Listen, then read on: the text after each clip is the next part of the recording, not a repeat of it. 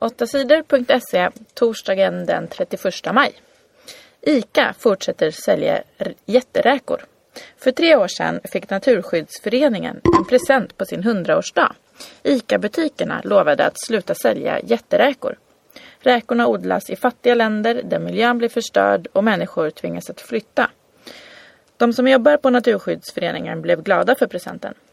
Men ändå har många ICA-butiker fortsatt att sälja jätteräkor. Butikerna köper själva in räkorna, även om matkedjans chefer bestämt att räkorna ska stoppas. Det känns jättetråkigt. Det verkade vara en fin present, men den betydde ingenting. Ursäkta, säger Kajsa Garpe på Naturskyddsföreningen till Sveriges Radios Ekonyheter. En undersökning som Naturskyddsföreningen gjorde i höstas visade att 58 av 91 ICA-butiker sålde jätteräkor. Hivläkare kan behålla jobbet. En läkare i Stockholm var hiv-smittad och visste om det. Trots det hade han sex med två män utan att använda kondom. Han talade aldrig om för de båda männen att de riskerade att bli smittade av det livsfarliga hiv-viruset när de hade sex med honom. En av männen är idag smittad med hiv. Men det finns inte bevis för att det är läkaren som smittat honom. Den 48-årige läkaren är anställd på ett stort sjukhus i Stockholm. Han kan få behålla jobbet. Hans chefer på sjukhuset tycker att han är en bra läkare och är noga med sitt jobb. Sjögran kan inte spela i OS. Landslagsspelaren Therese Sjögran är skadad och kommer inte att kunna spela i OS-turneringen i London i sommar. Hon skadade sig när Malmö tränade på tisdagen. Det var korsbandet i ena knät som gick sönder. Det känns jättetungt, säger Therese Sjögran. Det svenska landslaget har fått många av sina bästa spelare skadade till OS. Nu förlorar laget en av sina bästa mittfältare. Det ser mörkt ut för det svenska damlaget inför OS-fotbollen. Polisen beredd på nätattacker.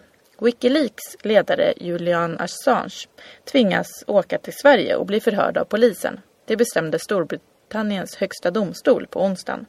Assange är misstänkt för sexbrott mot två svenska kvinnor. Assange säger att han inte kommer att få en rättvis rättegång i Sverige.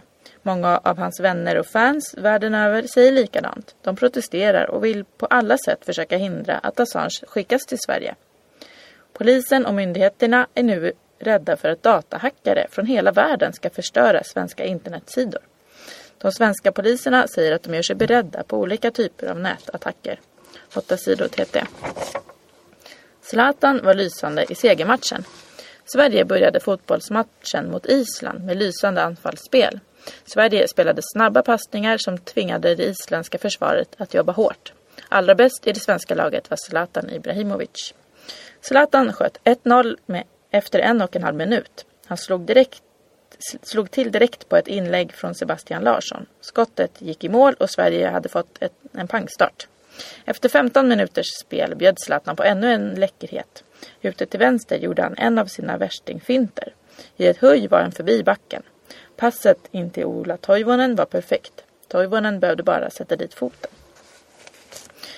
Sverige spelade ut Island rejält de första 25 minuterna av matchen. Kan Sverige spela så här i EM kan laget nå hur långt som helst. Problemet i onsdagens match var att Sveriges fina anfallsspel försvann efter en halvtimme. Resten av matchen var jämn.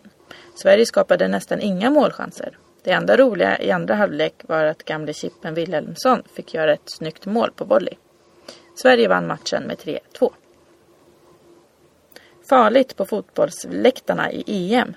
Om en vecka kör fotbolls-EM i Ukraina och Polen igång. De flesta väntar sig fin fotbollsfest. Men alla vågar inte åka till EM för att se matcherna. Den förre engelska landslagsbacken Sol Campbell varnar för de, det rasistiska våldet på läktarna i de här länderna. Stanna hemma och se EM på TV. Ta inte risken att åka till EM. Det kan sluta med att du får åka hem i en kista, säger han till tidningen Daily Mail. Familjerna till de färgade engelska stjärnorna Theo Walcott, Julian Lescott och Alex Oxlade Chamberlain har valt att följa hans råd. De kommer att se EM-matcherna på TV hemma i England. TV-kanalen BBC har undersökt det rasistiska våldet på fotbollsmatcher i Ukraina och Polen. I programmet visas hur människor med utländskt utseende blir överfallna av rasister. De blir brutalt slagna och sparkade.